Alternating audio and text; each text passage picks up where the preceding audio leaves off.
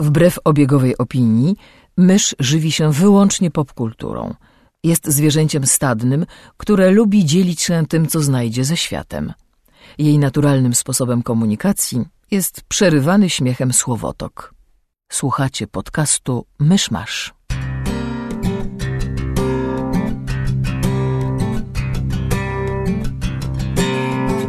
Gospodarzami podcastu Myszmasz są Krzysiek Ceran, redaktor portalu Avalon.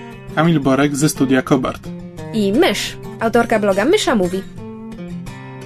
Drodzy słuchacze, jest poniedziałek 27 października 2014 roku. Urodziny amerykańskiej rysowniczki komiksowej Jan Dursemy. Zapraszam do 80 odcinka podcastu Myszmasz. Co narysowała Jan Dursema? E, dużo komiksów gwiezdnowojennych. E, współtworzyła takie postacie jak Aile Sekure i Queen Lana Vossa. Oni nawet się do filmów dostali potem. To się rzadko w Gwiezdnych Wojnach zdarza. Miałem do wyboru ją albo tego, Korwina Mikke. Tak Aha, nie, to, to no contest. Tak. E, Mysz wita e, ponownie po e, chwilowej chorobie. Przepraszam, że mnie ostatnio nie było. Wiem, że tęskniliście, bo dostaliśmy komentarze pod tytułem Gdzie jest mysz? Mimo, że gdzie jest krzyż? E, I życzenia zdrowia, więc dziękuję bardzo za życzenia zdrowia.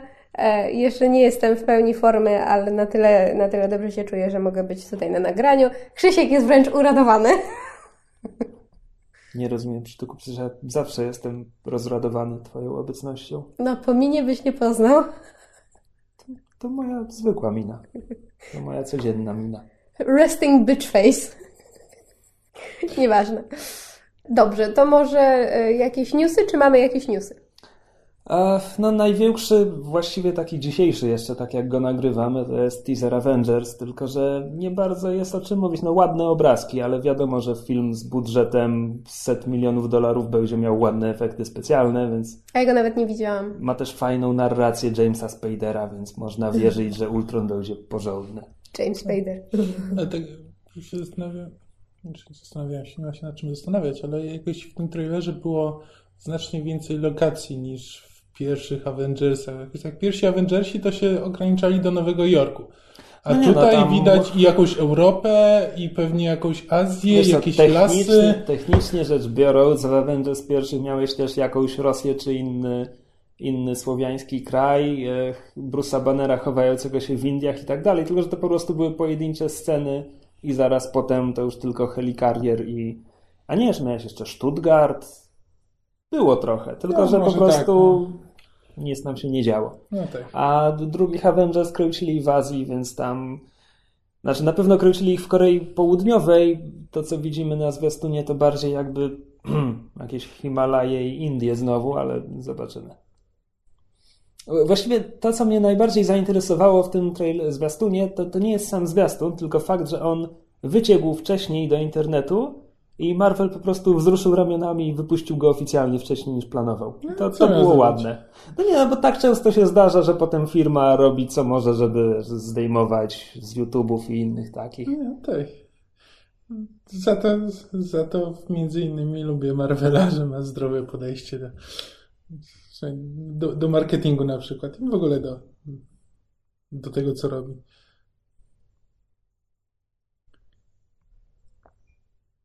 I to już wszystkie doniesienia, o których warto rozmawiać w tym tygodniu, prawda? To znaczy, jeszcze jest e, e, afera, która wybuchła w, w internecie e, dotycząca e, felietonu, który popełnił e. Maciej Nowak. Czekaj, to jest ten kucharz? Tak, to jest, znaczy on jest, on jest znany przede wszystkim z tego, że jest kry, krytykiem kulinarnym, ale tak naprawdę jego pierwotnym zawodem jest krytyk teatralny. On był właścicielem i dyrektorem teatru em, w Gdańsku bodajże, nie pamiętam. W każdym razie jakby ma, ma nazwijmy to zaplecze w, w, w teatrze. E, I popełnił felieton dotyczący e, retransmisji spektaklów National Theatre Live. Jeżeli ktoś, e, komuś zdarza się czytać mojego bloga, to może kojarzyć o co chodzi, ewentualnie część ze słuchaczy może nawet by, bywać na tych transmisjach, które w, w, od pewnego czasu są w, w kinach w paru większych miastach Polski, a w ogóle w Polsce są od ostatnich dwóch lat. I no, pan Nowak popisał się niesamowitą bucenerią i snobstwem, bo stwierdził, że to w ogóle jak my śmiemy i że w ogóle dlaczego plebs się pcha do teatru, a właściwie do kina, znaczy do teatru w kinie. Ojej. To po prostu czy, czytanie tego, pożal się Boże, felietonu, bo tam są może trzy akapity tekstu, to po prostu nóż mi się w kieszeni otwiera. I zresztą nie tylko mi, no bo blogosfera tym żyje od, od właściwie chyba od wczoraj. I, i, jakby zamknąć się na ten temat nie może. I ja rozumiem dlaczego, bo to rzeczywiście jest frustrujące w momencie, kiedy e, prawda, w jakiś tam sposób głos, e, który jest związany z teatrem i powinien wiedzieć, że tego typu um, inicjatywy i tego typu eventy wręcz przybliżają ludziom teatr i jakby zwiększają zainteresowanie teatrem, także tym rodzimym, że, że taka osoba wykazuje się takim absolutnym no tak. po prostu jakimś, nie, nawet nie wiem jak to nazwać, to po prostu taki totalnie jednotorowy, ignorancki umysł, no. Masakra. No, bo tak narzekasz od paru minut, a właściwie ja na przykład nie czytałem tego felietonu. Ech. Wiesz co, jakby ci to, jakby ci to streścić? To były pan, trzy akapity tekstu. To no, pan Nowak napisał, że dostał zaproszenie na, do, e, na retransmisję właśnie Tramwaj zwany pożądaniem. Tramwaj zwanego pożądaniem. Na który myśmy z Kamilem mieli pójść, ale ponieważ ja byłam chora, to żeśmy ostatecznie nie poszli, czego bardzo żałuję. Ale I się, był i mówił. Tak. I się obruszył, że to jest szczyt barbarzyństwa, żeby e, obcować z teatrem, e, w, jak to on to nazwał, w blaszanej budzie śmierdzącej popcornem. Tak. Czym zazwyczaj pachną teatry? Bo tak sobie myślę, nie popcornem oczywiście, ale wątpię, żeby to były perfumerie. Starymi ludźmi. Nie, ale to e. jakby właśnie każdy, niemalże do każdego zdania tego felietonu można się przyczepić. Jakby zwierz zresztą popełniła na ten temat bardzo ciekawą notkę, na przykład um, zaznaczającą, że zapach popcornu w kinie to jest taka sama tradycja jak, nie wiem, prawda, dzwonki na dzwonki na przerwę w teatrze. To jest po prostu coś, co jest związane z kinem od zawsze i nie ma sensu tego wytykać. Jakby to, że na przykład komuś się nie podoba zapach popcornu, no okej, okay, ale na przykład kwestia, nie wiem, tego, że na sali potem jest brudno i są śmieci. To nie jest kwestia jedzenia popcornu w kinie, to jest kwestia kultury widowni, tego, że ludzie jedzą jak, za przeproszeniem, świnie. Teatrze w Wielkiej Brytanii można wnosić na salę alkohol, można wnosić rzeczy z bufetu, jakieś, nie wiem, orzeszki, jakieś przekąski w teatrze i nikt nie ma, nie ma o to pretensji, nikt się do tego nie przyczepia. To jest jakby u nich normalne. No a tutaj pan Nowak jakby uniósł się, uniósł się honorem i, i, i, i wyższością, prawda, kultury, cudzysłów, wyższej nad, nad niższą i łączenia jednego z drugim. Ja podejrzewam tak naprawdę, że to się rozchodzi o pieniądze. On ma po prostu pretensję o to, że ludzie chodzą tłumnie na te retransmisje i wydają pieniądze na obce sztuki, zamiast chodzić i do jego kiesy, między innymi jako tam właśnie związanego z teatrem człowieka, wsadzać pieniądze. Ale czekaj, to mówisz tak, jakby on wciąż miał jakiś teatr? Wiesz co, nie wiem, bo nie interesowałam się, ale po prostu to jest takie podejście na zasadzie, no tak, wydajecie pieniądze na obce zamiast na nasze. Tylko, że problem polega na tym, że jeśli porównywać e, jakość e, polskich wystawień do zagranicznych, polskie przegrywają. I to nawet nie jest kwestia tego, jak, jak pan Nowak nazwał e, pięknych buziek z telewizji, czy jak to tam było. Bo oczywiście o to, że w brytyjskim teatrze grają aktorzy znani z ekranu, z telewizji i z kina też miał pretensje. I to nie jest kwestia obsady, tylko to kwestia wszystkiego i poziomu, i pewnych tradycji, i innej szkoły aktorskiej, no wszystkiego. I nie dziwię się, że, że wszyscy się tak na, na ten felieton zawzięli i tak go ostro krytykują, bo ja się absolutnie z, z, z nimi zgadzam. No, pan no Nowak się popisał po prostu. Znaczy, będzie rwał włosy z głowy, że ludzie nie czytają i w ogóle są niekulturalni obecnie. A jak ktoś próbuje popularyzować kulturę, to to jest ham, bo, bo, bo kupuje bo książki w Biedronce. Ma być, ma być wyższa. I to jest, to jest takie rozdwojenie jaźni. Dobra, e, kilka uwag. E, dwie albo trzy, nie wiem, nie policzyłem ich jeszcze. E, po pierwsze, nie, nie przeczytawszy felietonu, mimo wszystko rozumiem, że teatr w swojej podstawowej formie jest, jest rodzajem misterium i w teatr wpisany jest bezpośredni kontakt aktora z widzem. Więc zastanawiam się, czy może to nie był punkt wyjścia dla Nowaka, który potem wyszedł mu w zupełnie inną stronę. Czekaj, nie przeczytałem, tylko sugeruję, że jest taka możliwość. Drugi punkt. E, wiem, że internet się oburza. Ja się nie oburzam, bo jak już mówiłem w podcaście, jestem w teatrze raz na dwa lata, to nie jest moje medium, więc e, że tak powiem, nie moja wojenka. Nie, to jest kwestia jakby ogólnego podejścia do kultury w tym momencie. Znaczy, Po trzecie źle policzyłem te punkty. Poza, poza tym to jakby kwestia nawet nie jest, wiesz, to, że ktoś może właśnie uważać, że, e, teat, e, że przedstawień teatralnych nie powinno się e, retransmitować w kinach, okej, jakby No tak, no kontakt właśnie widownia, prawda, widz jest większość istotny. tej, większość tej e, afery poszła o to, że to jest, że on po prostu stawia się ponad ten cały motłoch, który jak tam mówi, że galerie zmieniły się w miejsca, w których się kupuje gacie i szmaty, a właśnie, a do teatru się nie chodzi, tylko chodzi się do blaszanych but śmierdzących popcornem. Po prostu chodzi o to, w jaki sposób to jest powiedziane, z jaką wyższością, z jakim poczuciem pogardy dla innych ludzi, którzy mają inne podejście do niego. E, I to jest największy problem, że po prostu, no, wiesz, ktoś może sobie uważać, że tak, że teatr powinien się ograniczać do teatru i do sceny i widowni najbliższej. E, I tu możemy się kłócić, na ile to jest y, prawda, na ile nie i na ile ktoś siedzący na trzecim piętrze na balkonie ma rzeczywiście kontakt z aktorem e, i na ile ma, jest w lepszej pozycji niż ktoś, kto siedzi na sali w, w Polsce. No, to, to wiesz, to, to, ale to jest zupełnie jakby inna dyskusja. Ale... Znaczy, gdyby, gdyby jego felieton był początkiem do właśnie dialogu na temat sensowności transmisji sztuk i tego, czy teatr jest jeszcze na tym poziomie, gdzie kontakt z widzem bezpośredni jest konieczny, czy właśnie już jesteśmy na takim etapie, że są sposoby, żeby ten, te- te- tę sztukę, nie chcę powiedzieć, przenieść pod strzechy, no bo w Polsce i tak mamy tradycję teatru, telewizji, ale jakby czy jest sens to robić. Gdyby ten jego felieton był początkiem do tego typu dialogu, super, fajnie, bardzo chętnie na ten temat podyskutuję i poczytam, bo dla mnie to jest na przykład właśnie istotny temat, bo uważam, że powinno się teatr właśnie szerzyć metodą na przykład transmisji, jeżeli ktoś nie może przyjechać, prawda, pół kraju czy pół globu przejechać, żeby pójść sobie na sztukę, którą sobie wymarzył z fantastycznym reżyserem, fantastyczną obsadą w, w krótkim czasie wystawiania, bo zazwyczaj tego typu, tego typu spektakle są dość krótko wystawiane, więc nie zawsze jest szansa, że się zdąży, zwłaszcza, że zainteresowanie jest duże. Powiedziałaś pół globu czy pół blogu, bo nie usłyszałem. Chyba globu, ale jeżeli powiedziałam blogu, to będzie bardzo śmiesznie w edycji.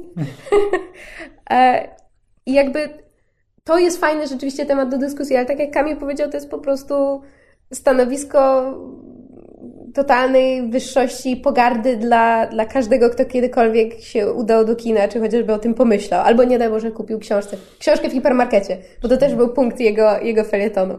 To jest więcej to samo, co ja miałem do powiedzenia na temat, y, tutaj wrzucę kolejny kontrowersyjny temat, ale Gamergate, E, bo to, to, jest, to nie chodzi nawet, to nie jest kwestia tego właśnie, kto ma rację i jakie są argumenty, bo jak się, e, jak się ustawia dyskusję w taki, w taki sposób, w takich słowach e, i takim tonem, to jakby już nie ma znaczenia, kto ma rację, kto ma jakie argumenty, bo po prostu to jest kwestia pogardy dla drugiej strony i nie da się w takim, e, w- takim klimacie dojść do czegokolwiek. Więc e, No tak, no są dwa, dwa, dwie szczekające na siebie grupy i właściwie żadnej, żadnej sensownej Tutaj- rozmowy między nimi być nie może, dopóki się wszyscy nie uspokoją, a szanse na to myślę są niewielkie. Znaczy ja co prawda y, siedziałam bardzo na obrzeżach Gamergate, ale jakby już nawet z tamtej pozycji widać, że to...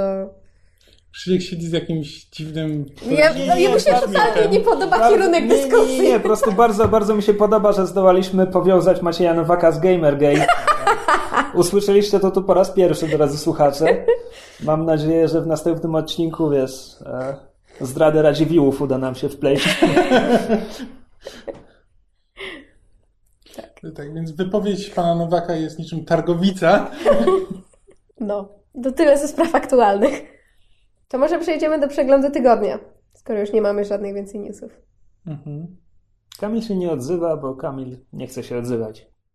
No więc ja w tym tygodniu nie widziałem nic, bo na nic nie miałem czasu. Widziałem jakieś Dwa dwa Shreki. odcinki.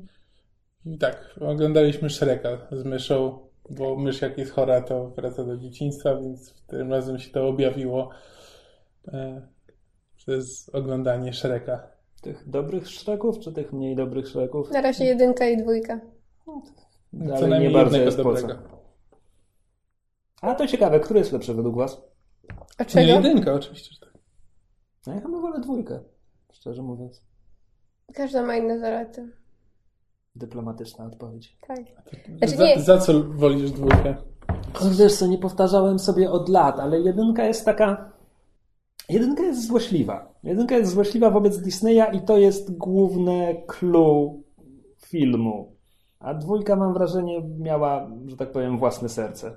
Znaczy w ogóle dla mnie dwójka trochę bardziej się ba bawiła tym takim wyśmiewaniem bajek i, i, i bajkowych klisz. Tak jak mówisz, jedynka była bardzo złośliwa pod kątem Disneya, a w momencie, kiedy jedynka odniosła, odniosła sukces, mam wrażenie, że twórcy jakby troszeczkę inaczej podeszli do tematu i w dwójce zaczęli się bardziej bawić i, i jakoś tak też wyciągać rękę do widza. E, Ale Jakoś przecież- bardziej przychylnie mrugać. Ale też to mi, to, to, to mi właśnie przeszkadzało w sumie w dwójce bardziej niż ten, bo jakby w, dwójka to była taka momentami parodia, że to były konkretne tam parodie konkretnych, nie wiem, filmów, bajek, scen, A jedynka to co to było? a jedynka to było, z, nie, nie miałeś czegoś takiego, że wiesz, że konkretną scenę masz, nie, nie jestem w stanie teraz A, przykładów czyli, że przywołać, ale że... bardziej, bardziej typy opowieści i Tak, baśni. że miesza, Mhm. miesza po prostu motywy, a nie jest bawi się po prostu konkretnymi. Jest spójniejszą, Tak, ale- ale bardziej jak ciągłą się- fabułą, no bo ale dwójka to są jednak gagi. Czytasz, jak się wczytasz, to z kolei Lord Farquaad jest wzorowany na byłym szefie z Disneya, y, tej, tego właściciela czy szefa DreamWorks w czasie, kiedy... Znaczy, ja w jakby- ogóle tego nie odczuwam oglądając ten film. Ja jakby w ogóle tego nie zauważam, że to jest naśmiewanie się z Disneya. Ja w ogóle o tym zapomniałem, prawdę mówiąc, oglądając. No nie, to jest, mówię, nie robiłem sobie powtórki od lat. Ja z przyjemnością sobie powtórzę trójkę i czwórkę, bo Znaczy trójka to szmira straszliwa, a czwórka jest znośna i to najlepsze, co mogę Znaczy powiedzieć. Właśnie ja, ja mam jakieś. Ja w ogóle nie pamiętam. Ja mam jakieś dobre wspomnienia z trójki i bardzo chcę je zweryfikować y, z, że tak powiem, stanem faktycznym. W trójce jest dowcip o kamieniach żółciowych. Wiesz co, bez kontekstu w tym momencie nie pamiętając Nie, jak no, to było w filmie, no to dla mnie to jest... Był, były, był, trójka była żenująca dla mnie i my uczyłem się na sali filmowej, kinowej.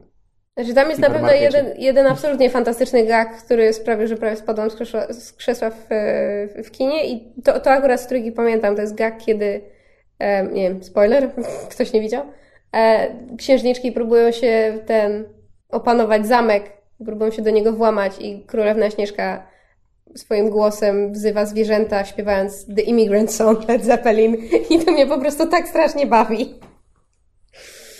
E, you had to be there. No, ja nie pamiętam żadnych szczegółów, widziałem jedynkę kilkukrotnie, a dwójkę widziałem raz w kinie i albo trójkę, albo czwórkę też widziałem raz w kinie, ale w tym momencie nie jestem w stanie sobie przypomnieć, które. Bardzo możliwe, że na czwórce byliśmy razem na jakichś durnych wakacjach w No to pewnie czwórkę widziałem, trójki mogłem nawet nie widzieć. Na bardzo fajnych wakacjach, tylko to było durne wyjście do kina w Olsztynie. E, nieważne.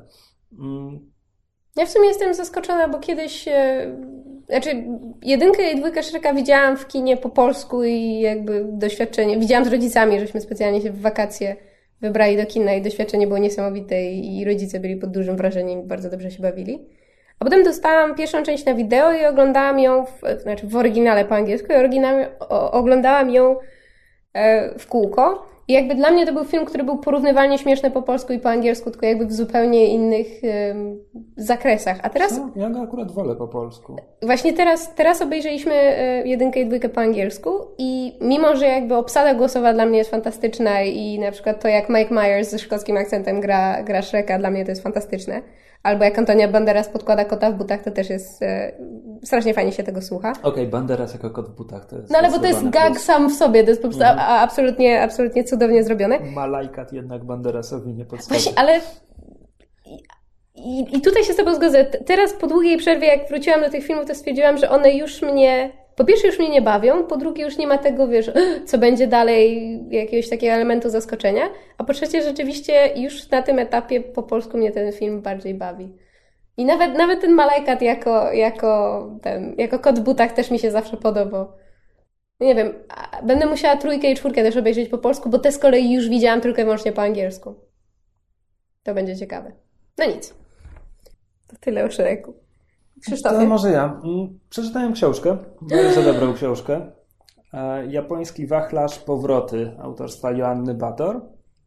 I z tego co wiem, to Coś jest nazwisko mi mówi. Joanna Bator to jest laureatka Nike zeszłoroczna, bodajże za Ciemnoprawie Noc. Tak. Ja już- mówiłem o Ciemnoprawie Mhm. Noc 50 odcinków temu pewnie. A, a japoński wachlarz e, nie jest powieścią. Ona spędziła dwa lata w Japonii i to są po prostu...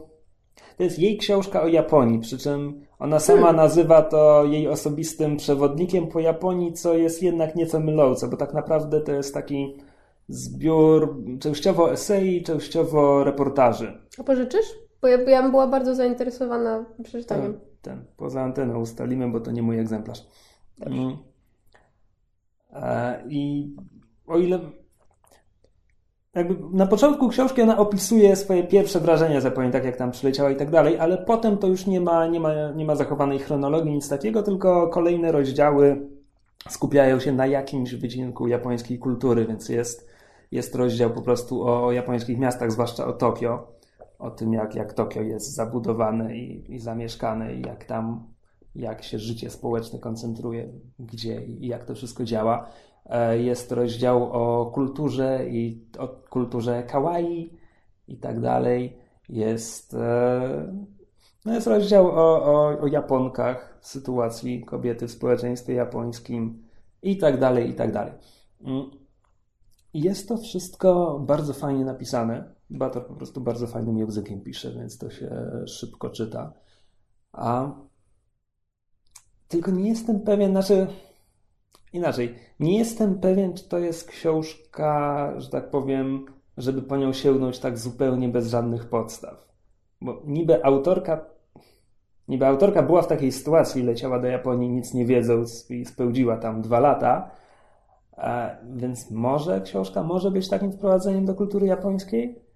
Ja, że tak powiem, coś o Japonii wiem, więc dla mnie to było z jednej strony, miałem jakąś podbudowę teoretyczną i dla mnie to było bardzo fajne, bo to właśnie rozszerzało moją wiedzę, a niektóre rozdziały skupiały się po prostu na wycinkach japońskiej kultury, które mnie dotąd zupełnie nie interesowały, więc w ten sposób rozbudowywały, rozszerzały moją wiedzę i to było bardzo fajne. Gdybym kompletnie nie miał pojęcia o Japonii, nie wiem. Mhm. No Ale znowu, Bator fajnie pisze i po prostu dla samego jej języka, dla samych jej opisów warto to przeczytać. Alternatywnie, jeśli ktoś lubi jej powieści, no to po prostu, żeby poznać, co ukształtowało autorkę, bo to jednak my- wydaje mi się, że było ważne wydarzenie w jej życiu. no właśnie ja, ja bym chętnie przyjrzała, żeby skonfrontować swoje bardzo mgliste wspomnienie z dzieciństwa, z okresu, jak mieszkaliśmy z rodzicami w Japonii. Z...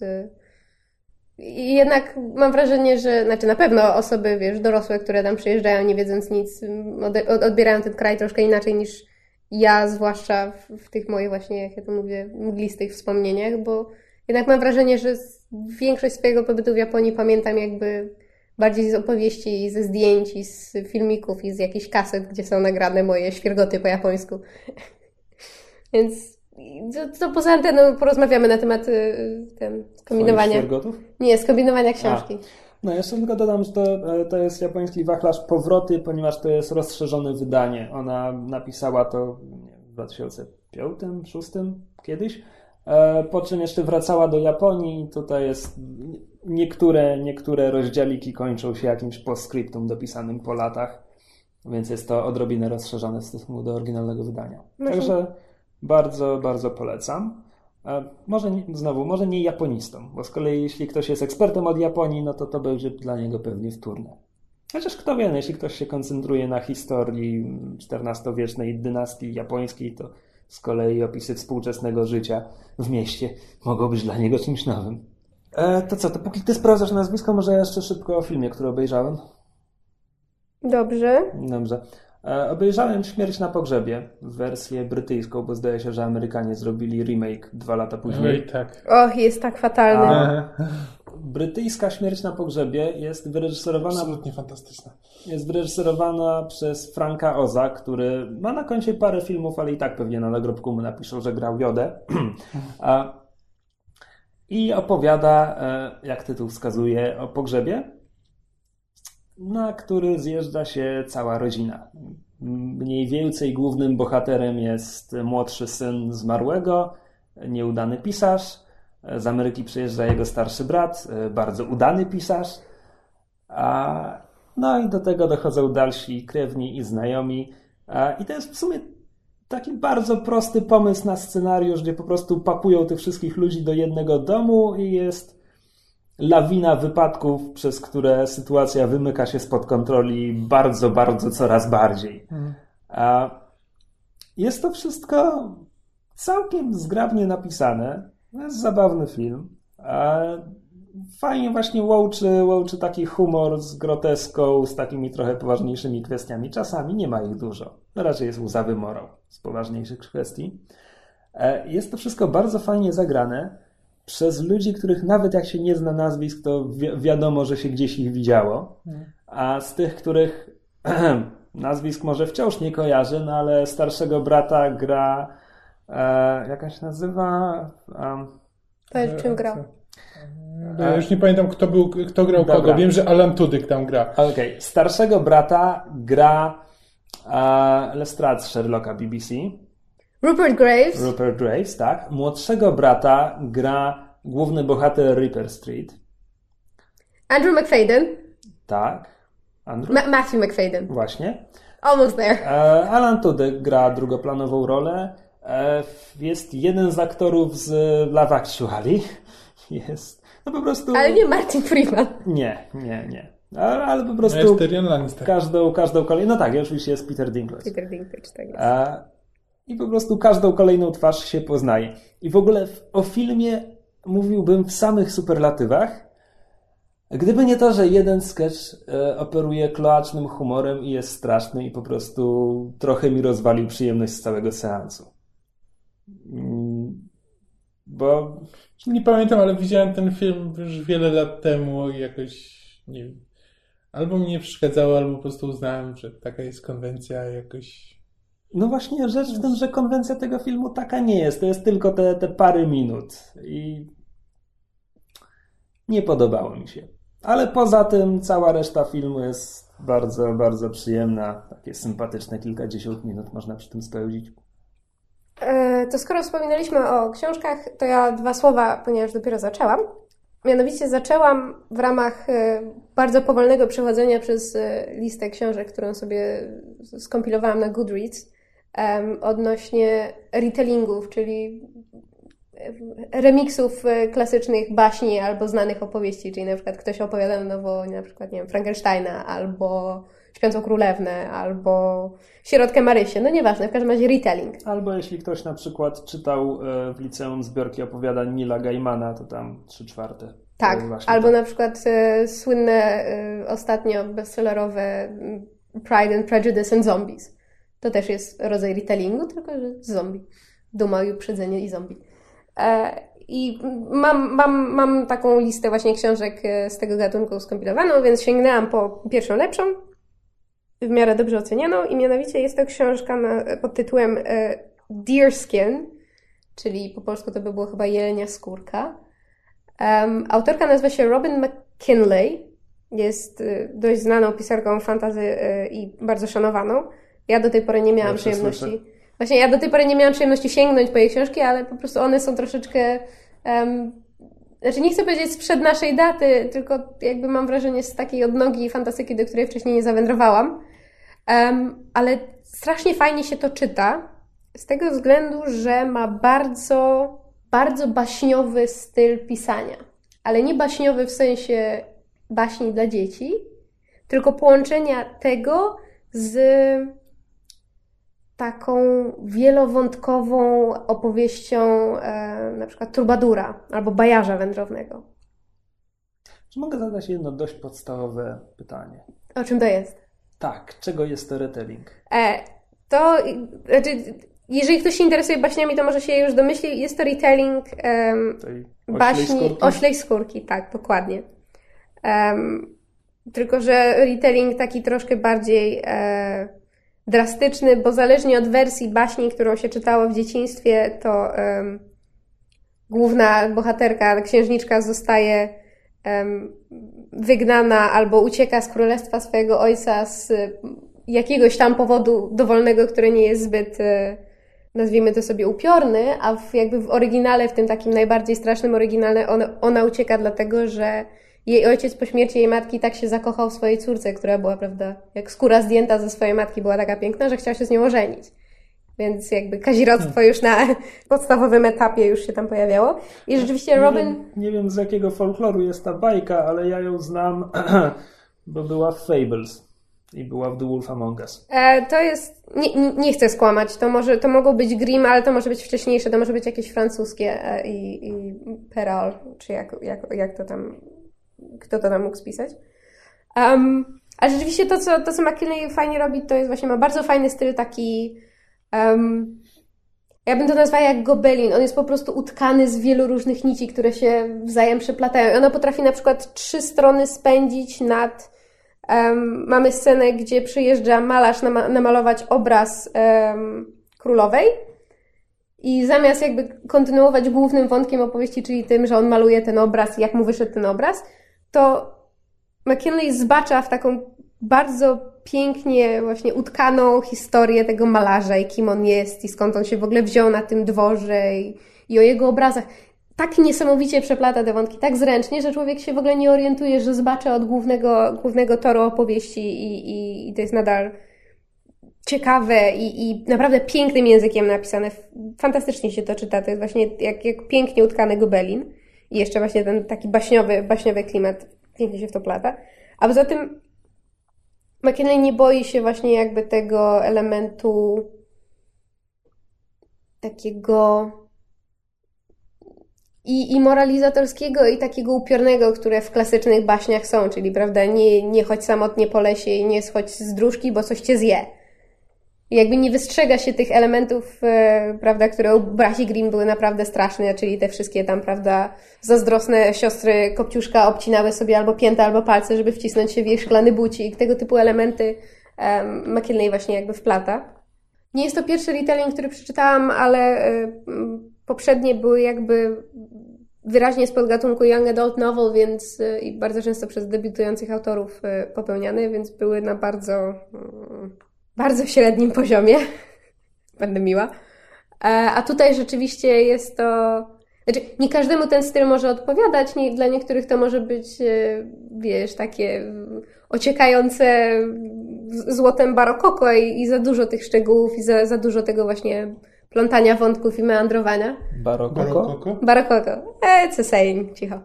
E, ale mnie to strasznie odpowiada, bardzo, bardzo fajnie mi się to czyta, takie... Bardzo fajnie przynosi jakby człowieka, człowieka w czasie i czuje się jakby właśnie czytał um, opowieść spisaną wiele set lat temu, a nie, prawda, kilkanaście, kilkadziesiąt. Więc jeżeli kogoś interesują te klimaty, to, to bardzo polecam.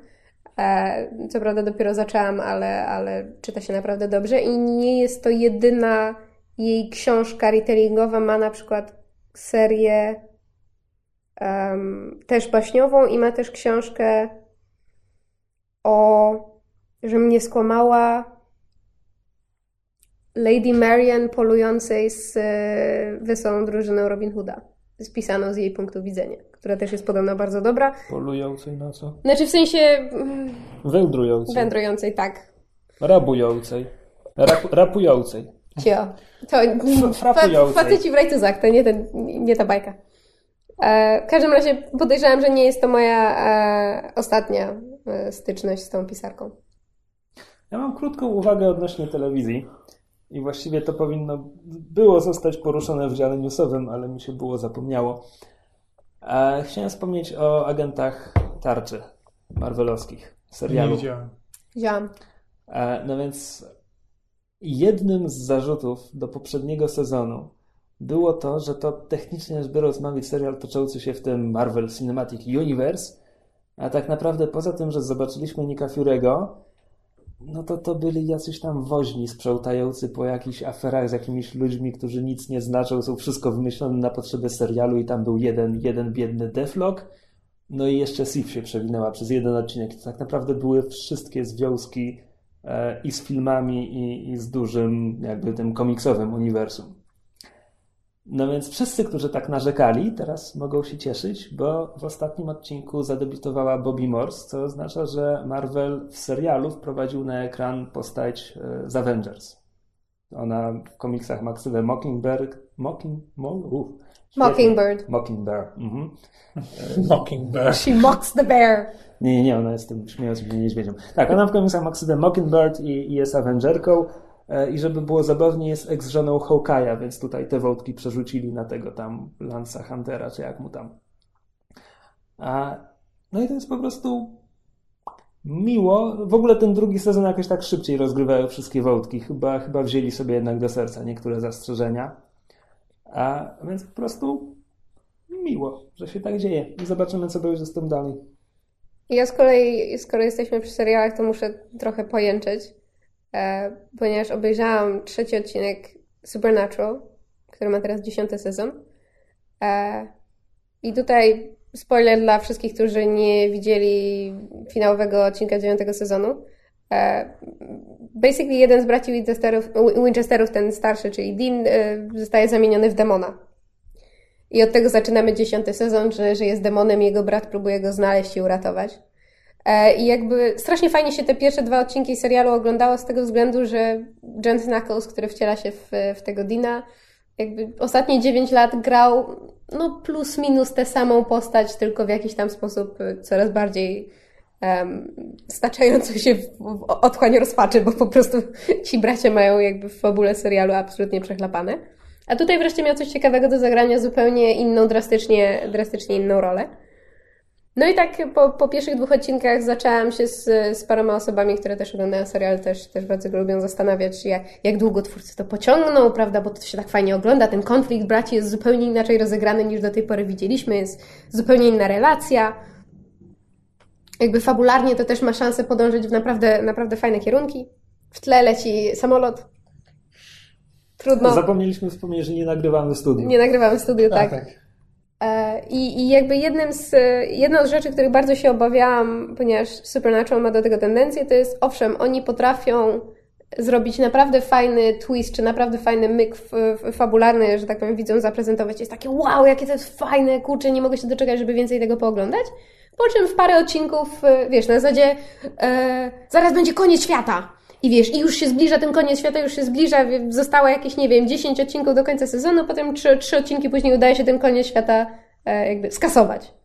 To jest niestety błąd, który Supernatural od... E, znaczy to jest zagranie fabularne, które Supernatural od pewnego czasu e, uparcie stosuje, co w momencie, kiedy się ogląda serial od 10 lat trochę, znaczy od 10 sezonów, czyli plus minus od 9 lat, jednak sprawia, że jak, ładunek emocjonalny jest o wiele niższy, no bo jak możesz y, obawiać się o los postaci w momencie, kiedy wiesz, że za 3 do 5 odcinków wszystko się rozwiąże. Jakby, ja wiem, że to jest schemat seriali jako takich. Supernatural, biorąc pod uwagę, ile razy swoich y, bohaterów już przywracało z, z zagrobu i z różnych innych perypetii, to ma do tego jeszcze większą tendencję. No i niestety wykrakałam byłam, moje obawy, ponieważ tak jak pierwsze dwa odcinki były bardzo fajne z y, Dinem Demonem szalejącym po świecie, właściwie po jednym mieście. Tak, w trzecim odcinku tutaj trochę spoiluję Kamilowi, ale już z nim wczoraj na ten temat rozmawiałam, więc mi wybaczy. E, spoiler do odcinka trzeciego. E, pod koniec trzeciego odcinka Dean zostaje wyleczony z bycia demonem, w sensie tak definitywnie. To straszne, kto by się spodziewał. Nie no, ale po prostu naprawdę trzy odcinki ja wiem, że jeszcze to bycie demonem pewnie wróci w sezonie i jeszcze długo będzie go gryzło w duszę i inne słowo na D pewnie też. Ale trzy odcinki, seriously! Jestem po prostu tak sfrustrowana. To jestem tak zła na serial. Tyle dobrego straciliśmy. I, I, może nawet będą jakieś flashbacki do tego czasu, kiedy on był tym demonem, bo jakby między dziewiątym a dziesiątym sezonem mieliśmy przeskok czasowy, ale po prostu... Jestem tak, jestem tak zła na Supernatural w tym momencie, jak jestem na Castla. E, udało nam się rozegrać w weekend bardzo przyjemną partyjkę w grę planszową Firefly, opartą na serialu pod tym samym tytułem. E, a zrobioną przez, e, jak on się nazywał? Nine, Gale Force 9. Gale Force 9, właśnie, czyli to sam, ta sama ekipa, która zrobiła grę planszową Spartacus, o której już mówiliśmy, a bardzo niedawno wypuścili kolejną grę na licencji, tym razem Sons of Anarchy. Podobno też dobra. Firefly, jak się tylko rozłoży grę na planszy, to pierwsze co przychodzi człowiekowi do głowy to jest Maria, jakie to jest ogromne. Firefly ma ogromną planszę przedstawiającą kilka układów planetarnych, parę gwiazd. Kilkanaście talii. Kilkanaście talii, z których korzysta się w trakcie gry, tak? E, I każdy gracz dostaje swój mały stateczek. W wersji podstawowej wszyscy latają Fireflyami, z dodatkiem pojawiają się jeszcze dwa unikalne statki, też wzięły z serialu. A żeby, żeby nie było za łatwo, to każda z talii wymaga dwa razy więcej miejsca, bo każda stali ma jeszcze swój własny... Stos kart odrzuconych, który tak. też musi być cały czas na stole i musi być do niego łatwy dostęp. Tak. tak, więc trzeba mieć albo duży stół, albo po prostu grać na podłodze, bo to jest gra, która naprawdę wymaga dużo miejsca. No tak, chociaż umówmy się, że nie wiem, gra o tron na sześć osób mniej więcej podobnej, podobnej powierzchni wymaga.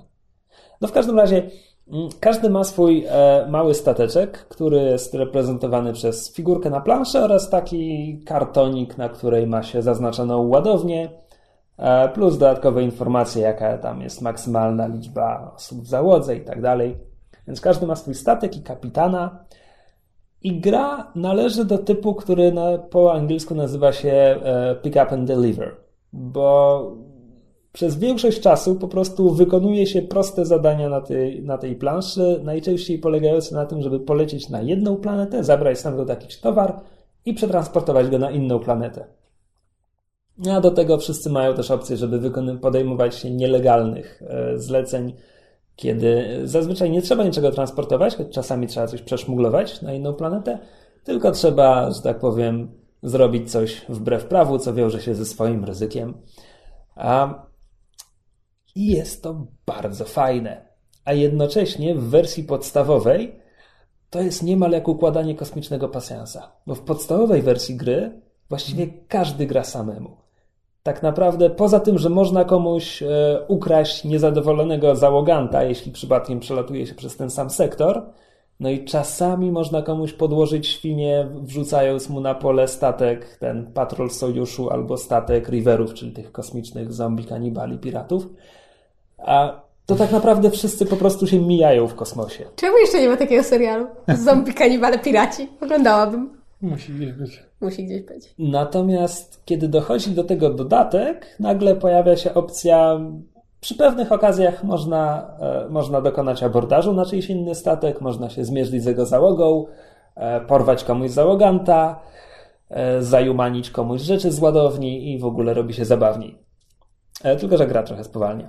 Gra dla mnie jest trochę takim planszowym odpowiednikiem e, gier komputerowych typu e, Free Space czy Elite. E, Freelancer. Freelancer, tak. O, X. Tak. Że po prostu lata się, lata się po kosmosie i wykonuje, i tam żyje, wykonuje roboty i próbuje się jakoś przeżyć. Tak, i e, można w to grać w jedną osobę i jest to fajne. Jest to fajna zabawa na, na cały wieczór. A wyszedł już drugi dodatek, który czyni tę grę jeszcze bardziej, dodaje tam kolejne talie, e, a jednocześnie tam dodaje kolejne zasady, które czynią tę grę jeszcze bardziej nastawioną na konfrontację. Czy inaczej, może nie nastawioną, ale dającą możliwość mhm. bezpośredniej konfrontacji z innymi graczami, czego podkreślę po prostu nie ma w wersji podstawowej. Więc jeśli ktoś lubi miło spędzić czas ze znajomymi, ale nie lubi się z nimi gryźć i wbijać noży w plecy, no to podstawka. To wtedy ewidentnie podstawka. A jeśli bez tego dla niego gra nie ma sensu, no to koniecznie trzeba zafundować sobie przynajmniej pierwszy dodatek. My jeszcze drugiego nie, nie ograliśmy, jeszcze się w niego nie zaopatrzyłem, muszę powiedzieć. A, ale tak, jest to bardzo fajna, bardzo przyjemna zabawa, która na dodatek tworzy taką narrację. E, trzeba znać serial, żeby, żeby z tego Mhm. Żeby, że tak powiem, żeby ta gra miała fabułę, trzeba znać serial. Tak, bo inaczej, inaczej to jest właśnie pick up and deliver, że po prostu poruszasz statkiem i właściwie nie jesteś pewien, po co robisz różne rzeczy. Tak, bo wspominaliśmy, że gra ma kilkanaście talii, więc e, kilka z nich to są e, planety sklepy, gdzie można po prostu zaopatrzyć się w sprzęt i nowych załogantów i wszystko to są postaci z serialu. E, są planety, gdzie można porozmawiać e, z kontaktami. To znowu są zleceniodawcy Mala Reynoldsa z serialu. Mamy Niskę, mamy Badgera, mamy wszystkich tych złych ludzi. I wreszcie są, e, są talie, które po prostu są zagrożeniami, które czyhają w tym kosmosie. Więc z dwóch z nich korzysta się po prostu latając z planety na planetę. Wtedy za każdy pokonany sektor trzeba pociągnąć kartę, gdzie, z której dowiemy się, że coś nam się popsuło, albo trafiliśmy na riverów, albo i tak dalej, i tak dalej.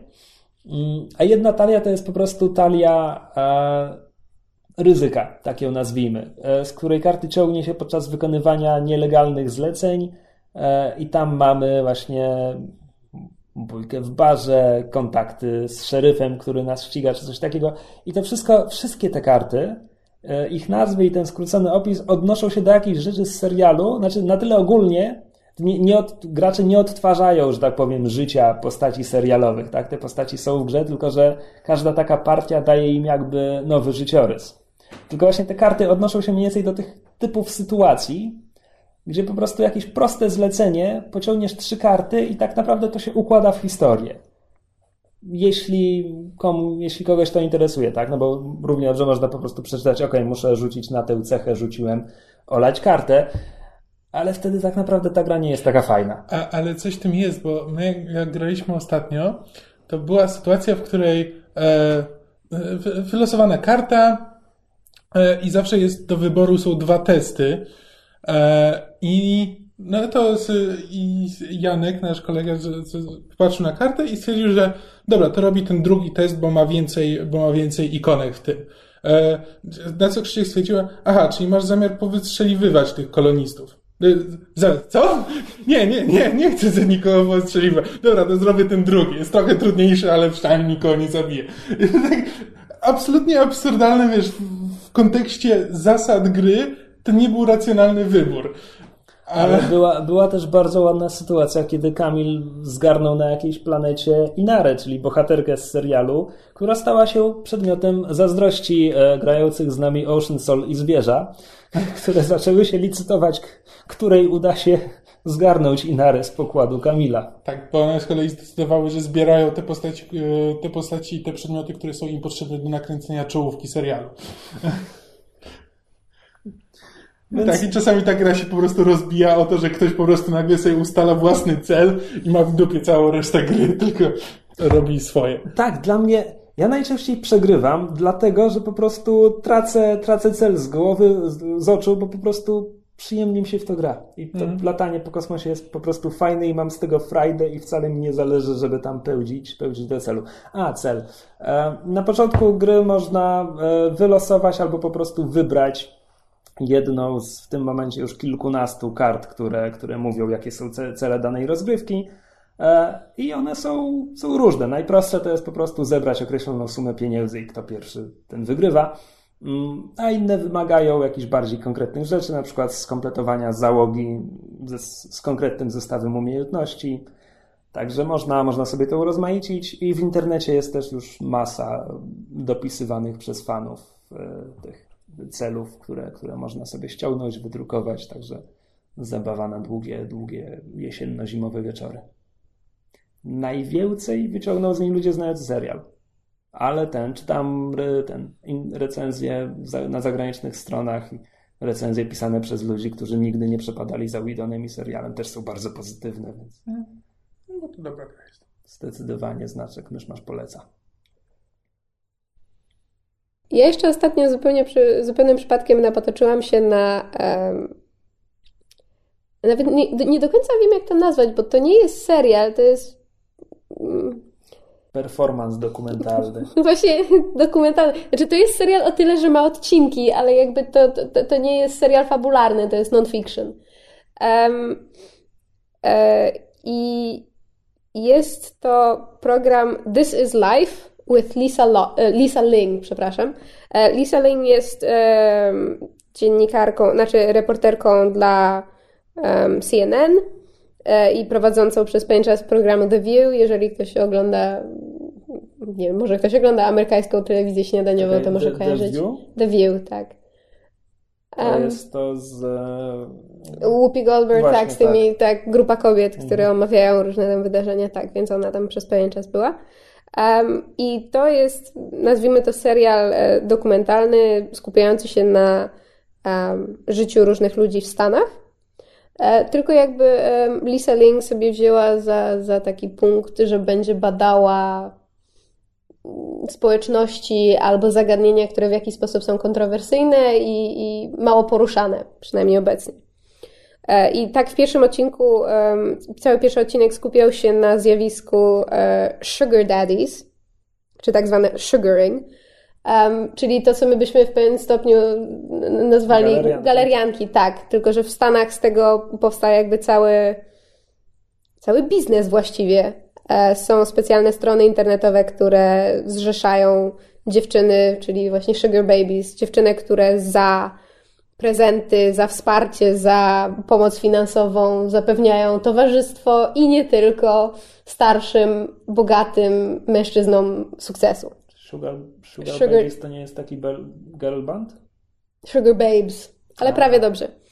Jedna z kwestii poruszanych w programie było jakby pytanie, czy to nie jest y, w jakimś stopniu prostytucja, no bo jednak e, sugaring, owszem, to jest jakby dotrzymywanie towarzystwa i chodzenie na różnego rodzaju eventy, premiery, ale seks jest jakby w, w, momencie zawierania umowy seks jest jakby na stole, w sensie temat, temat seksu e, istnieje i wiele z tych par em, zawierając, zawierając taką umowę zalicza seks do, do, do jednego jakby z, z punktów takiej umowy.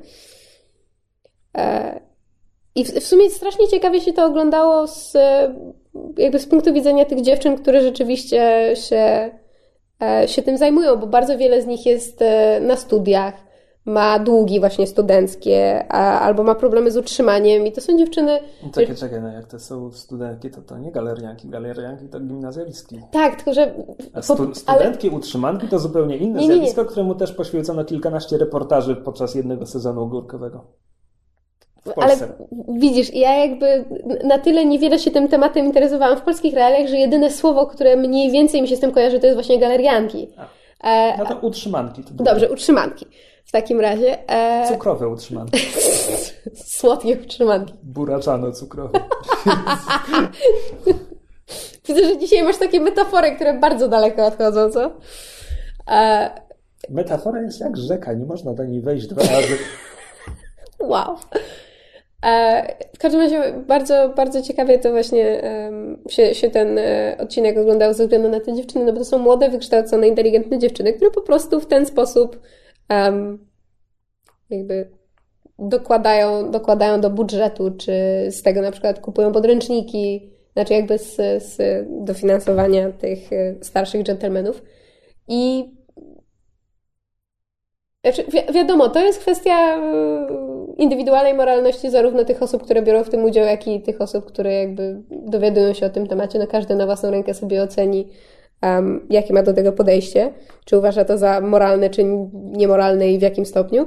Ale bardzo mi się po prostu podobało podejście tej reporterki, która.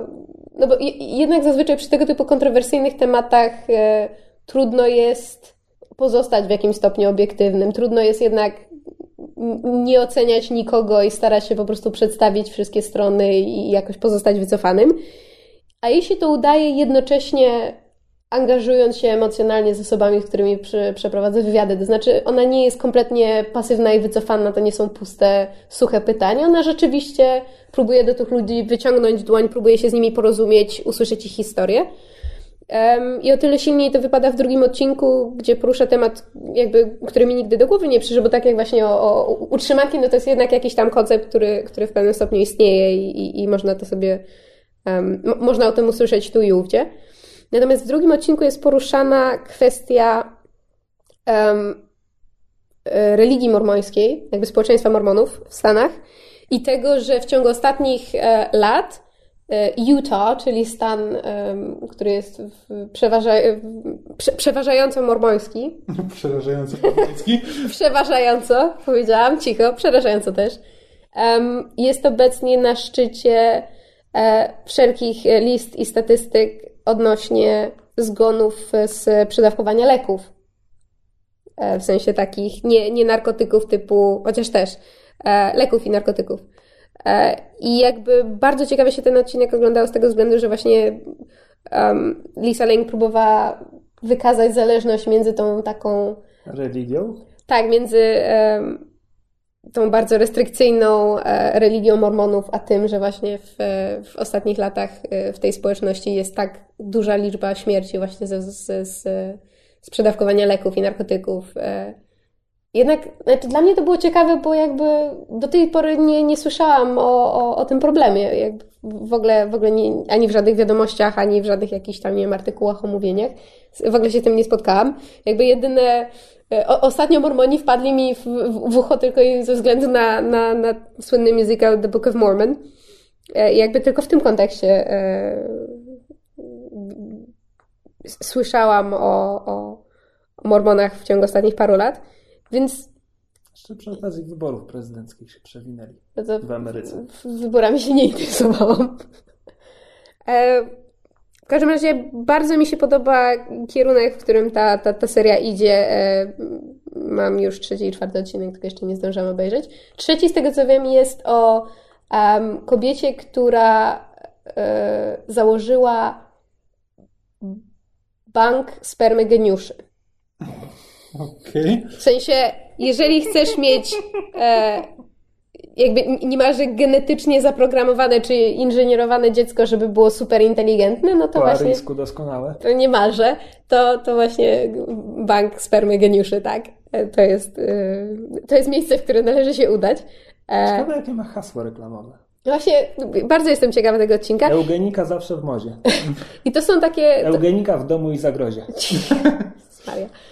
I każdy, każdy odcinek porusza jakby zupełnie, zupełnie inny temat.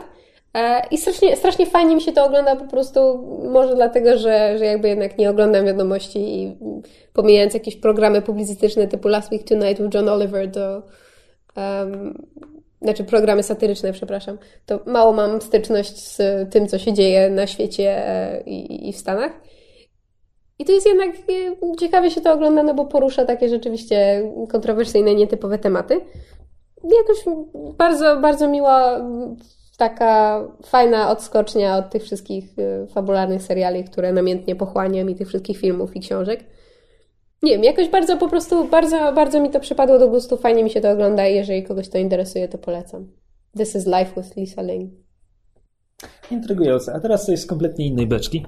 W tym tygodniu miała miejsce premiera pierwszego epizodu gry Dreamfall Chapters, która jest dla mnie bardzo ważna.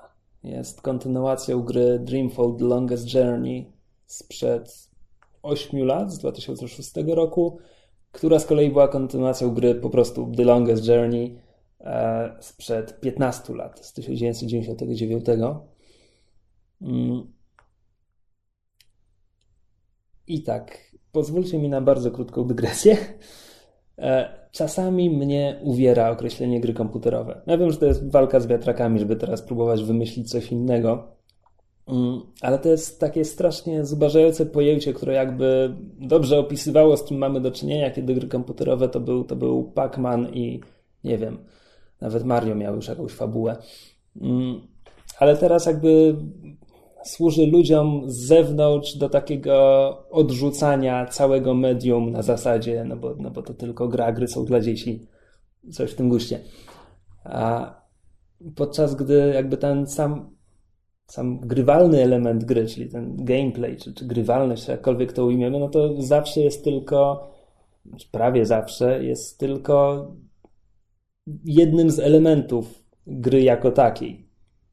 No i na tym tle, na tle wszystkich gier, e, gry przygodowe, bo o, o tym gatunku mówimy, e, gry przygodowe zawsze wyróżniały się tym, że jako gry są koszmarne, są, są tragiczne. Znaczy gra przygodowa to jest, to jest beznadziejna gra.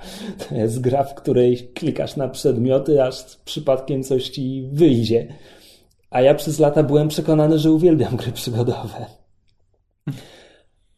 podczas gdy sam gameplay, no, no może, jakby to ująć. To zależy jak to jest wykonane, bo są takie gry, w których rzeczywiście klikasz na przedmioty i czekasz aż coś ci wyjdzie, a są takie, gdzie rzeczywiście to klikanie na przedmioty Dobra, do tego, związane z- oczywiście słuszna uwaga, do tego zaraz wrócę. W każdym razie zmierzam do tego, że ten taki sobie gameplay, nawet w najlepszym wypadku, gry przygodowe zawsze, zawsze musiały nadrabiać klimatem, humorem, fabułą, postaciami, dialogami. Więc tak jak wła- właściwie powszechnie się narzeka, że gry komputerowe mają kiepskie scenariusze i tak dalej, no bo oczywiście jak się spojrzy na te wszystkie Call of Duty czy cokolwiek, no to tak, bo one bawią się w wielkie kino hollywoodzkie i udaje im się naśladować filmy Michaela Beya pod względem tego, jakie są głupie. Natomiast w grach komputerowych, w grach przygodowych te dobre scenariusze tam zawsze były. Od, od 20 lat z hakiem nadrabiały właśnie to, że sama gra w gry przygodowe grasz właśnie po to, żeby popchnąć fabułę dalej, albo żeby odkryć jakiś element dialogu, odkryć coś więcej na temat tego świata, w którym, w którym toczy się gra. Okej, możesz mieć jakąś satysfakcję z tego, że aha, udało ci się wykombinować, o co chodzi w tej zagadce, udało ci się logicznie dojść do tego, które przedmioty trzeba tutaj wykorzystać, i może faktycznie te najlepsze, te pamiętane dzisiaj gry komputerowe, gry przygodowe, może one faktycznie były pod tym względem lepsze, tylko, że teraz oczywiście ja sobie przypominam, jak moje ulubione Grim Fandango, jakie miał beznadziejne zagadki, które, których rozwiązania są po prostu znikąd, gdzie kiedy masz do czynienia e, z bombą, pułapką, którą uruchamia bardzo skomplikowane e, ten domino, klocki domina rozstawione po całej podłodze, jakie jest rozwiązanie, no więc musisz e, je najpierw zalać i zamrozić, żeby przejść po zamrożonym dominie. Tylko, że sam akt zalewania jakby w normalnym świecie przewróciłby to domino. I jakby gra się kompletnie nad tym nie zastanawia. To jest to, jest to rozwiązanie, które twórcy mają w głowie. Mm.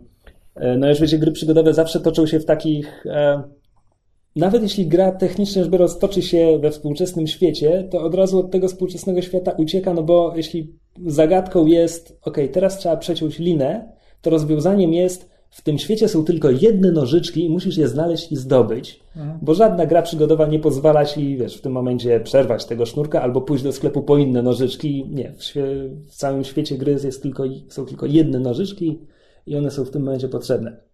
Mm. Co się trochę broni e, w grach typu Monkey Island, które jakby, gdzie cały, cały świat jest taki absurdalny. Ja właśnie chciałem powiedzieć, że dla mnie przygodówki nie wciągały mnie nigdy fabułą. E, Jakby e, nigdy nie udało mi się wciągnąć w gry pokroju e, Broken Sworda, czy właśnie The Longest Journey, bo choć uważałem, że to jest fantastyczna fabuła bardzo mnie wciągała, to po prostu właśnie granie w te gry nie sprawiało mi żadnej przyjemności i po prostu marzyłem o tym, żeby ktoś zrobił z tego film, albo żeby na przykład może sobie pójść na YouTube'a i obejrzeć, tylko że wtedy będę musiał też oglądać, jak ktoś inny chodzi po całej mapie i szuka przedmiotów. E, I to, a, ty, a z kolei bardzo przyjemnie mi się zawsze grało w Monkey Island, szczególnie te klasyczne od jedynki do trójki.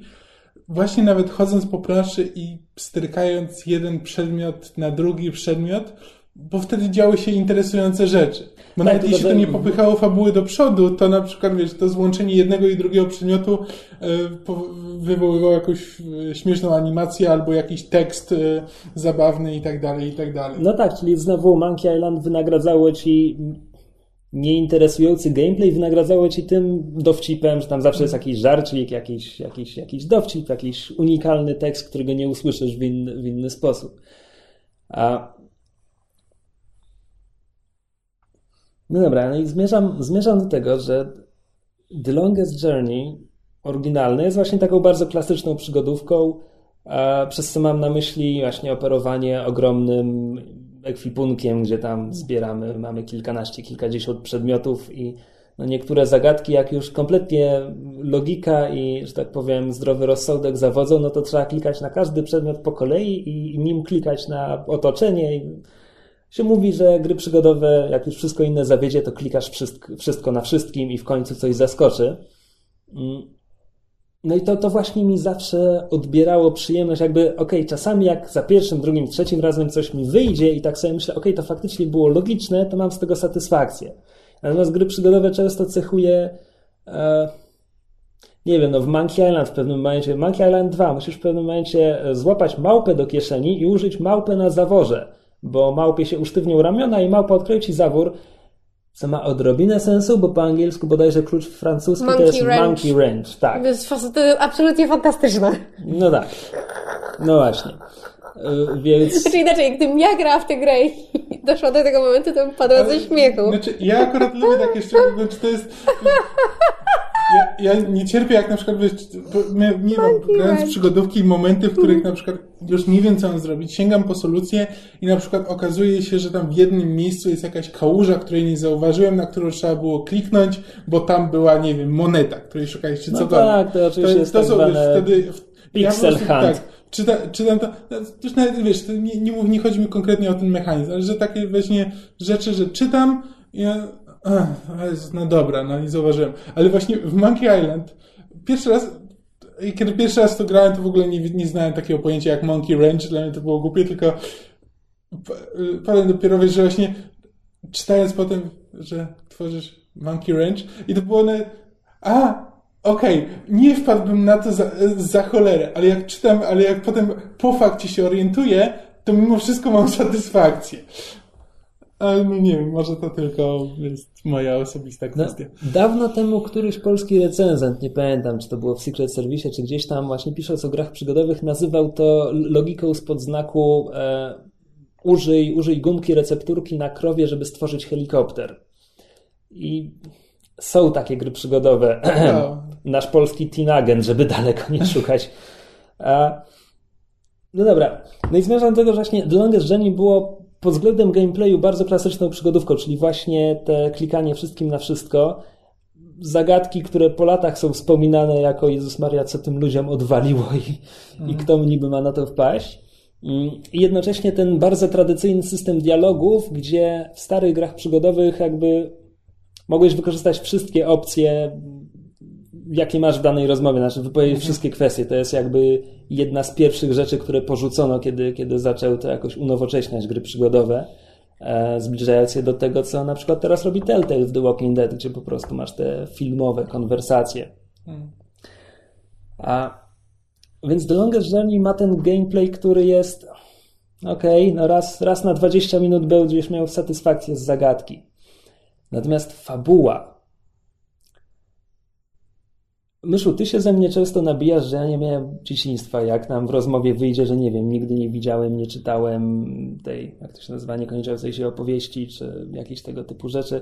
E, Z czym ja się w pewnym stopniu mogę z tobą zgodzić, bo jakby nie licząc jakiegoś etapu przedszkolnego, to ja miałem jedną bajkę i nią były Gwiezdne Wojny i to, było, to była, że tak powiem, bajka, którą zinternalizowałem, bo nawet jeśli Władcy Pierścieni przeczytałem krótko później, to nigdy nie myślałem, że ojejku, jak fajnie byłoby być hobbitem. To jakby, to, to była już inna rozrywka, rozrywka innego typu. Natomiast The Longest Journey to jest moja baśń. To, to jest baśń, którą, którą zinternalizowałem, która była dla, dla mnie bardzo ważna. Mm, To jest 99, czyli ja miałem wtedy te 12 lat, powiedzmy, czyli już no, no, późny koniec dzieciństwa, ewentualnie. Dla mnie to jest ten właśnie wiek, gdzie, znaczy z własnej praktyki wiem, że to jest ten wiek, gdzie rzecz przeczytana czy obejrzana najbardziej wpływa i zapada w pamięć. No dobra, no więc The Longest Journey to jest pod pewnymi względami bardzo klasyczna baśń. No to się. To jest trochę połączenie science fiction i fantasy, bo mamy dwa światy. Ten, że tak powiem, nasz, ten świat technologii, to jest w tym momencie Ziemia w XXIII wieku bodajże. Mamy bohaterkę, która jest młodą studentką plastyki, e, która ma bardzo bujne plastycznie sny. Tylko, że wkrótce później okazuje się, że elementy z jej snów pojawiają się w rzeczywistości i chwilę później razem z nią odkrywamy, że istnieje ten drugi świat, świat magii. A, a co więcej, nasza bohaterka jest bardzo ważna dla obu światów, ponieważ coś jest nie halo, coś zostało wytrącone z równowagi i gdzieś tam w gwiazdach zapisano, że nasza bohaterka ma tę równowagę przywrócić. Czyli jakby ten, ten najbardziej tradycyjny schemat. A jednocześnie ta gra ma świetny początek, kiedy po prostu po prostu żyjemy życiem tej, tej bohaterki, tej młodej studentki, gdzie ona wiesz, musi, musi pójść na zajęcia, musi ukończyć jakiś obraz, musi ten, wieczorem pracuje w kawiarni, żeby to robić i tak dalej. Ten, bardzo takie powolne wprowadzenie w świat, żeby, żebyśmy to wszystko poznali. A sama baśń, baśń, nie bajka, bo to jest na poważnie, bo to jest a, ona, że tak powiem, zrobi co do niej należy, ale tam nie ma żyli długo i szczęśliwie. Ona nie zostaje wynagrodzona, wiesz, księstwem i rełką pięknego księcia. Po prostu jest taka piękna, gorzka baśń, a, którą ja poznałem, jest właśnie, nie wiem, 12-13 lat i no to jest, to jest baśń mojego dzieciństwa. Tak? To, jest, to jest norweska produkcja. To już wszystko głównym, tłumaczę, dlaczego Krzysiek jest taki zgorzkniały. Głównym, głównym e, scenarzystą, producentem jest gość, który nazywa się Ragnar Tornqvist. Mój ulubiony wiking w grach komputerowych. A... No tak, i The Longest Journey było właśnie tą piękną grą z gameplayem tradycyjnej przygodówki. Można lubić, można nie lubić, trzeba przecierpieć, żeby poznać tą fabułę. I 7 lat później pojawiło się Dreamfall, która była kontynuacją, gdzie znowu mamy nowych bohaterów, e, fabułę znowu w tym samym świecie, ale trochę inaczej. E, I ja też byłem inny, na zasadzie, że 2006, no to mam już ile? 19 lat? No to, to jest późne liceum, początek studiów, więc trochę więcej wiedziałem. Potrafiłem na przykład dostrzec inspirację tej fabuły. E, wiesz, co tam jest wzięte na przykład, nie wiem, z aborygeńskiej mitologii i tak dalej. E, więc to było, w ten sposób było dla mnie fajne, że już potrafiłem sobie rozłożyć na elementy pierwsze. Mm, a jednocześnie ta gra wciąż dla mnie, dla mnie działała. I tak jak ta The Longest Journey było tą właśnie, którą zinternalizowałem, tak Dreamfall to jest jedna z niewielu, jedno z niewielu dzieł popkultury, którym ja jestem zafascynowany do tego stopnia, że zaczynam się zastanawiać, ok, o co chodzi, co tak naprawdę się wydarzyło, do czego to dąży. Zaczynam, wiesz, gdzieś tam w internecie są jakieś moje teorie na temat co dalej. A propos co dalej. Dreamfall miał dwie wady, mniejszą i katastrofalną. Mniejsza była taka, że w tej grze kierowaliśmy trzema postaciami. Była postać z jednego świata, postać z drugiego świata i bohaterka pierwszej gry, która w tym momencie tak naprawdę nie do końca należy do żadnego z wyżej wymienionych. I gra kończy się potrójnym cliffhangerem. Co nie byłoby takie złe, gdyby nie to, że na kontynuację trzeba było czekać kolejne 8 lat. Ale to jest mniejsza wada Dreamfalla. Wadą katastrofalną jest, że to była gra. 2006 to jest już po złotej epoce gier przygodowych. W 2006 gry przygodowe były popularne już chyba tylko w Niemczech i we Francji. W Ameryce już prawie nikt ich nie robił. I Dreamfall był grą, która próbowała wprowadzić gry przygodowe w tę nową epokę. Tylko, że o ile Telltale po paru próbach, bo to nie jest tak, że oni od razu zrobili Walking Dead, ale o ile Telltale w końcu wpadli na to, że okej, okay, co się liczy, fabuła, dialogi, emocje, decyzje, to dajmy graczom tylko to i w ogóle olejmy ten cały ekwipunek i w ogóle, i w ogóle to wszystko, niech to wszystko pełni, niech gra się sama gra, tylko niech gracz ma wrażenie, że ma wpływ na, na historię. No więc o ile Telltale znalazło swoją formułę, Dreamfall próbował uprościł zagadki. Tam właściwie nie było zagadek. Ok, podnosiło się przedmioty, ale to było tak, że naraz miało się może pięć przedmiotów, więc nawet jeśli trzeba było klikać wszystkim na wszystko, to to i tak trwało pół minuty zamiast dwudziestu. Dodał sekwencję akcji, dodał walkę, która była beznadziejna, dodał sekwencję skradania, które były beznadziejne. I po prostu pod względem gameplayu to była, e, jak to mówią w Greku Zorbie, piękna katastrofa. Natomiast fabularnie to była kontynuacja na tym samym niesamowitym poziomie. I to dalej był, był ciąg dalszy tej, tej wspaniałej baśni. No i teraz mamy e, rok 2014 i ukazał się pierwszy epizod Dreamfall Chapters. Dreamfall Chapters będzie miało bodajże pięć epizodów. A i w tym momencie mogę powiedzieć tylko tyle, że to chyba jest powrót do trochę bardziej tradycyjnej gry przygodowej, ale za to z usprawnionym interfejsem, czyli mamy oczywiście pełen trójwymiar, ale jakoś tak kon... wchodzenie w interakcję z tym światem jest jakoś dużo, dużo prostsze niż w innych trójwymiarowych przygodówkach. E, I mogę powiedzieć tylko tyle, że, że już pierwsze animacje podziałały na mnie tak jak, wiesz, jak w 99, jak, jak w 2006.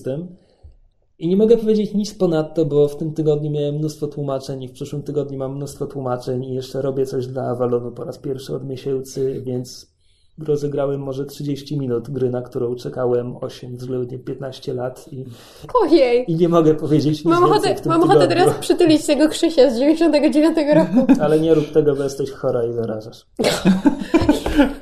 Really, tu chcę się cofnąć w czasie, przytulić małego 12-letniego Krzysia. On Nie, chora jesteś. To jest, to jest ten cynizm, który w ciebie ale A widzisz, nie znałaś 12-letniego mnie. Nie, Kamil ma rację, jestem dziewczyną. Girls have cooties. Tak, Ew. 12-letnim Krzysiu. W każdym razie ten, cieszę się, że mogłem się z wami podzielić tą ważną historią, znaczy ważną, moją osobistą historią, która jest ważna dla mnie. My się cieszymy, że mogliśmy jej wysłuchać. Tak, a, a ja na pewno będę, będę jeszcze relacjonował, jak to Dreamfall Chapters wyszło.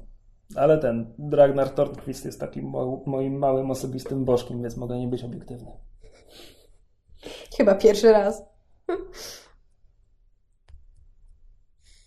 No. I tym optymistycznym, wspominkowym akcentem, kiedy Krzysiek pokazał swój wewnętrzny sentyment i o, e, kończymy dzisiejszy odcinek. Pokazałem swoje wewnętrzne. O. Tak, cio. Kamil wie, co mam na myśli. E, albo i nie. E, tym akcentem kończymy niniejszy odcinek. Odsłoniłem swoje małe, zgniłe, szczerniałe serduszko. Dobrze, dobrze, że w ten sposób skończyłeś to zdanie, bo mój mózg zrobił z nim coś kompletnie innego. Chyba nie chcę wiedzieć. Nie chcesz wiedzieć, jednotorowy umysł. E, I tym optymistycznym akcentem kończymy dzisiejszy odcinek. E, dzięki, że nas słuchaliście i do usłyszenia w przyszłym tygodniu. Szlijcie maile i pytania na Asku. Cześć! To brzmiało tak żałośnie. Please! Please, sir, can I have some more? Lisa, may I have some mail? Słuchaliście podcastu Myszmasz. Możecie nas znaleźć na myszmasz.pl lub polubić nasz fanpage na Facebooku. Możecie nam także wysłać maila na myszmaszpodcast.gmail.com Jeśli do nas napiszecie, będziemy szczęśliwi jak panda na trampolinie.